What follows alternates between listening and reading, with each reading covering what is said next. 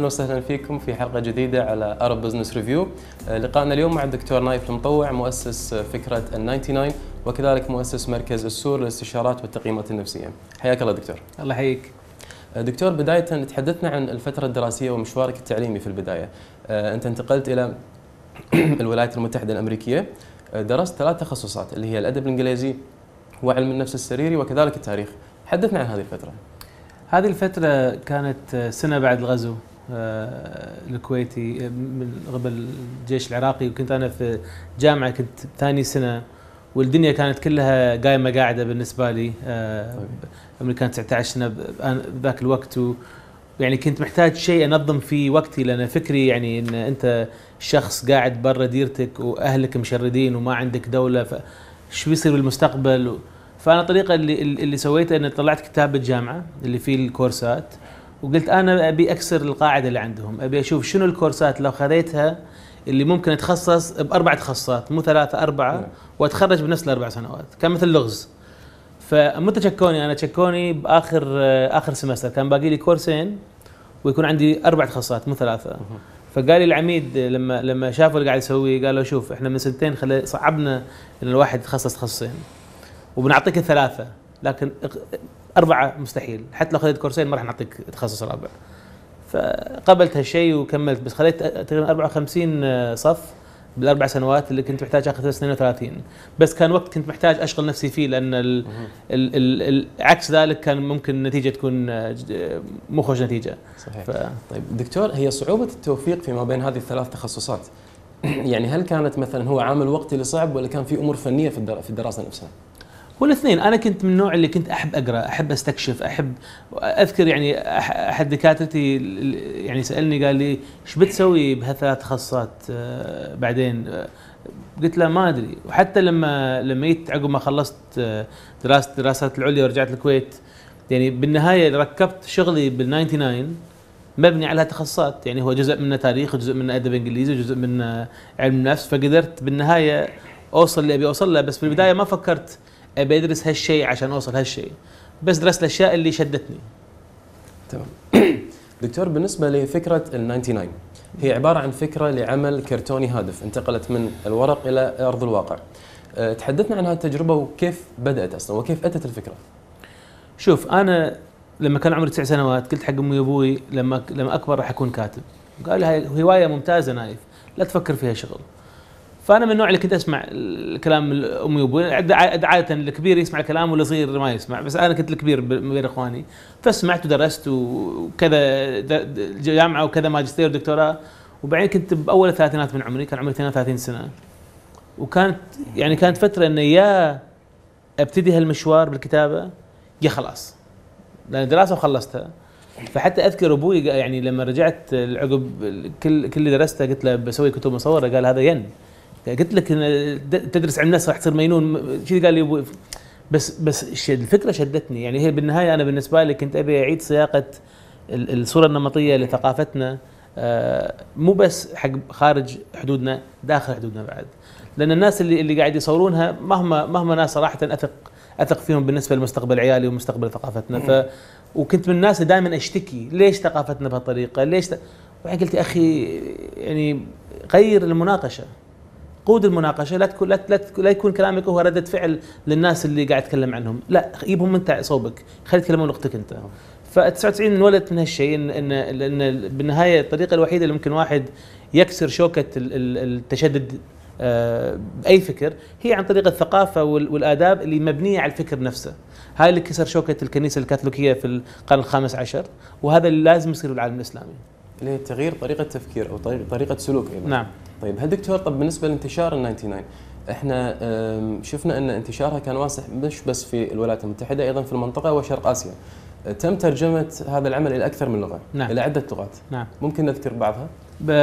موجودة على Cartoon Network في اللغة الماندرينية حق الصين لغة تايلاندية في تايلاند موجودة بالهند باللغة الإنجليزية في الاردن باكستان على على قناة جيو في الإسباني بأمريكا اللاتينية بالتركي في كذا لغه وموجودة يعني من من من أمريكا إلى الصين يعني على التلفزيون. وأول يعتبر أول عمل أول ملكية فكرية تطلع من الخليج أو تطلع من العالم الإسلامي بعد. صح. وقدرت آه، تغزو العالم فكريا. يعني إحنا إذا تفكر إن إحنا حطينا أبطال من أصل خليجي بالتلفزيون الأمريكي بال ب- يعني بعد أحداث سبتمبر 11 مهم. أحداث صح. حطينا أبطال إيراني إيرانية. على البط التلفزيون الأمريكي. آه وفوق هذا يعني الحين Marvel و DC Comics اثنيناتهم طلعوا أبطال مسلمين. DC Comics طلعوا Nightcrawler اللي هو في عالم مستقبلي. Bruce Wayne يموت وأكو باتمان جديد فرنسي بس من أصل جزائري مسلم. و DC Co و Marvel توهم نزلوا آه، Ms. Marvel اللي هي باكستانية مسلمة آه، من ولاية نيوجيرسي وبالإعلام لما يتكلمون عن Nightcrawler هالكلام من كم سنة وعن Ms. Marvel هالسنة الاثنين يتكلمون عن شلون ال 99 The 99 هم كانوا ال ال الالهام وراء شغل DC Marvel فقدرنا مو بس نغير النظرة لمجتمعنا قدرنا إن نخلي غيرنا يحس إنه حان الوقت إن يحطون أبطال أصلهم من ثقافتنا مو بس إحنا نكون ال bad guy بالقصص صحيح هل كان هل لاحظ دكتور مثلا تركز ال 99 في منطقة عن الأخرى؟ يعني هل لاحظت إن انتشارها في شرق آسيا أفضل من مثلا ال- ال- الشرق الأوسط أو من الولايات المتحدة؟ شوف إحنا إحنا ال- الأرقام اللي عندنا بالنسبة لل viewership الناس قاعد يشوفونها ما عندنا غير من التلفزيونات ال- ال- الحكومية، التلفزيونات ال private ما يعطونا ارقام، فوين إحنا موجودين؟ على التلفزيون الحكومي في أستراليا وأفريقيا الجنوبية وماليزيا. فبأستراليا ال ال على ABC فال rating حق البرنامج 40% فوق المعدل حق ال time slot ممتاز. آه، بافريقيا الجنوبية ال average اللي توقعوه هم اللي حصلوه. وبماليزيا شوية فوق ال average فهاي الأرقام اللي أنا عندي إياها. بالنسبة لل- للسلع اللي بعناها وكذي يعني أعتقد أفضل محلين من ناحية هالشيء تركيا واندونيسيا باندونيسيا في أحد شرى حقوق الدي في ديات آه، طبعا موجودة على التلفزيون. في أحد شرى حقوق ال- ال- المنتجات وحقوق الكتب المصورة باللغة الاندونيسيه آه، بتركيا أحد شرى حقوق يسوي ال- ال- ال- الأشياء حق المدارس الجنط أشياء كذي آه، طبعا موجودة على التلفزيون. أول أول دولة آه، ال 99 على التلفزيون كانت في تركيا. آه، ف فاذا اذا هاي المقياس من ناحية اللايسنسز بس من مقياس إن الناس يعرفونه بأمريكا يعني في صار في مجلات جديدة فيها 99 مع باتمان وسوبرمان مع بعض يشتغلون بأمريكا وهذول يعني صار لهم صيت كبير وعرف يعني الجمهور على على شخصيات. طيب دكتور هل يتم إنتاج العمل إلى اليوم عن طريقك أنت شخصيا؟ يعني هل أنت اليوم تمارس كتابة هذه الأعمال ولا عينت ناس مثلا مختصين للكتابة وللتصوير وأيضا إنتاج العمل؟ لا أنا بطلت كتابة من زمان. آه هاي كا هاي هاي على قولتهم هاي الإيروني. أنا بديت عشان أكتب وخلال سنتين شلت نفسي من الكتابة. لأن شو اللي صار؟ اللي صار لما أول كم قصة أنا كان لي علاقه يعني القصة الأساسية عن سقوط بغداد هاي أنا كتبتها. بس اللي صار عقب انه كملت بالكتابة وطبعا يقول الكل يقول آه خوش كتابة خوش قصص. بس باخر المطاف من قاعد يكتب لهم آه، يوقع تشيك حق معاشهم الشهري؟ أنا صحيح. فايش بيقولوا لي؟ تعرف؟ فيعني حطيت بموقف يعني محرج إنه شلون ما راح ما راح فكان لا يجب ان أشيل نفسي من الكتابه وأكون محرر وأكون شخص اللي افكاره قاعد تطبق. لكن الكتابة نفسها يعني شلت نفسي منها ولما شلت نفسي منها القصة صارت وايد وايد أحلى صراحة يعني. لأن في ناس يعني هاي شغلهم سواء في ناحية الكتب المصورة أو ناحية الكرتون الكرتون كتابنا نفس كتاب Star Wars وباتمان و Ben 10 يعني ال top آه، كتاب في هوليوود. آه، وهذا يعني خذ البرنامج إلى إلى افاق آه، يعني مستحيل إن أنا أقدر أوصلها بروحي. يعني اذا كان اذا إلى الآن عملك هو إشرافي أكثر من إنه فني على إشرافي القصص يعني فرضا الحين الموسم الثاني ل 99 season 2 بيطلع عن قريب. تمام. أنا نهايه season 2 يعني جاتني الفكرة بنص season 1 وإحنا قاعد نكتبها فالأشياء ال- اللي من 30 ألف قدم شنو بيصير كذا هذا أنا للحين لي علاقة بكذا. بس ال details مال الحلقات لا. أقول لهم فرضا بهالحلقة هالفكره توصل؟ بس طريقة وصولها ومنو الشخصيات كذا هذا أنا ما ما لي إيد فيها. تمام. طيب دكتور آه، اليوم عمل 99 انتشر من ال- المنطقة إلى العالمية. نلاحظ أيضا DC Comics هل لهم علاقة هل في هناك علاقة مشتركة ما بين العملين؟ هو في ال- العلاقة المشتركة بين DC Comics و99 هو لفترة آه، وجيزة. إحنا كشركة كنا نترجم آه، ال- ال- ال- الكوميكس مالتهم للغه العربية ون- وننشرها هني. ما كان في آه، أكل عيش من هالشيء يعني كانت آه، ما حد يشتري وما حد يقرأ للأسف بالمنطقة. فبطلنا لكن علاقتي كانت وايد قوية معهم كملت علاقة قوية. ومن هالعلاقة طلع ال crossover اللي هي كتب طلعت فيها 99 مع باتمان وسوبرمان يشتغلون مع بعض. وهاي صراحة كان شيء آه، كبير جدا بالنسبة لنا لأن آخر مرة هم رضوا يسوون هالشيء كان مع مارفل كان مع سبايدر مان من 15 سنة. فبالنسبة لنا كان big deal ورفع رفع ال profile مالنا عالميا آه، بس هاي العلاقة يعني ان سوينا مع بعض هالكتب لا أكثر ولا أقل. طيب دكتور آه، بداية لمشروع من المحلية إلى العالمية بالتأكيد واجهت صعوبات كثيرة. اليوم أي رائد أعمال أي entrepreneur يواجه صعوبات كثيرة من بداية المشروع وحتى تنفيذه على أرض الواقع اللي إحنا نسميها ups and down شنو أبرز الصعوبات اللي أنت واجهتها في العمل هذا؟ وايد. وايد. وليومك هذا يعني اللي ممكن إحنا نستفيد منها أو الشباب كونهم رواد أعمال يستفيدون من هذه الخبرات شوف اول أول آه، صعوبة كانت مع نفسي. كنت لما جاتني الفكرة مثل الهوس يعني كان لازم أسويها تمام؟ بس لما فكرت بيني وبين نفسي قلت لو أنا بديت هالدرب وحاولت أجمع رأس مال وفشلت راح أنعرف كالمينون اللي حاول تمام؟ وهاي يعني يعني يعني كنت يعني شهر شهرين أفكر هل تسوى هالسالفة؟ ما تسوى عندك شهاداتك نايف. بس بعدين يعني تغلبت على هالشيء. بعدين صار تجميع رأس المال وخاصة في منطقتنا إحنا الحين. طبعا الحين الوضع شوي تغير بآخر 12 سنة ما بديت أنا. بس آه، فكرة آه، إن في نوع واحد من الأسهم وإنت كرائد الأعمال تبي تبي إنت تستفيد أكثر شيء إذا إذا إذا المشروع ينجح. آه، بس في نفس الوقت اللي مولك يبيه هو يتحكم في مجلس الاداره وهي حقه. بأمريكا هاي سهلة لأن في في أنواع مختلفة للأسهم. فممكن الشخص اللي عنده الفكرة يملك 90% من شركته. لكن ما يملك التحكم بالشركة لأن البورد عندهم أسهم للتحكم بالشركة. فالكل يحصل هني ماكو هالسالفة.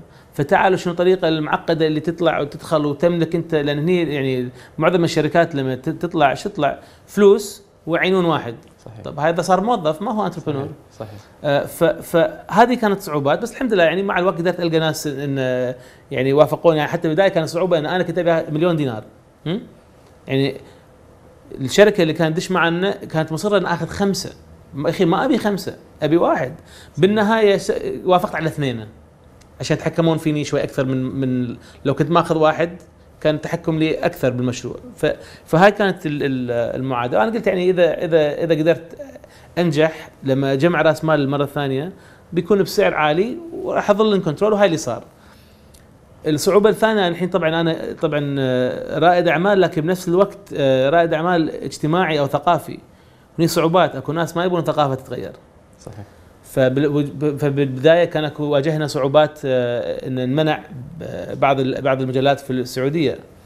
فكان لازم أحل هالمشكلة. حاولت direct فشلت. فاللي سويته إني رحت بنك إسلامي وعرضت اللي عندي و- وعجبهم. وخضعونا لجنة شريعة ووافقوا على شغلنا ومولونا حق ال second round. زين؟ هاي دخلنا على السعودية. آه بس بس هذه هذه المشكلة بالضبط حلت المشكلة بالسعودية وسوت لي مشكلة في أمريكا. لأن صرنا اسلامك كمباني صحيح. فاللي صارنا عقب آه، عقب ما ن- ن- عرفنا في أمريكا صار رده فعل غير طبيعيه هناك إن هذا عنده توجيه إسلامي ويبي يغسل مخوخ عيالنا بسوبر هيرو الشريعه وشوف عنده واحدة مبرقعه بال 99 تعرف شي طقس الحكي آه وهني جماعتنا هم العكس صحيح. آه يعني جاتني آه على تويتر كل كم شهر في حملة ضدي. آه يعني الكافر الزنديق ال- الماسوني الصهيوني ال- يعني شقوني صراحة. آه ب- بس آه بس يعني تظل تقول انه يعني لما تشوف بالبدايه لما كانت تجيني هال هال هالتفاعلات كانت بس كذي بوم. الحين تي وناس يردون عليهم. ها؟ فمو أنا أنا مرد. أنا ما أنا بضيع بينهم بس صار في أخذ وعطاء وبالنهاية إحنا كثقافة ما راح نتقدم إلى الامام من غير هالمناقشه وهالمناقشة قاعد تصير. آه وأنا جدا فخور إن مع ان الكلام ما هو وايد حلو قاعد ينقال بس جدا فخور إن إن جزء إن بديت بدت هالمناقشة تصير. يعطيك ألف عافية. نشكرك دكتور. آه، إلى هنا نأتي إلى ختام الحلقة الأولى من لقائنا مع الدكتور نايف المطوع. شكرا لكم.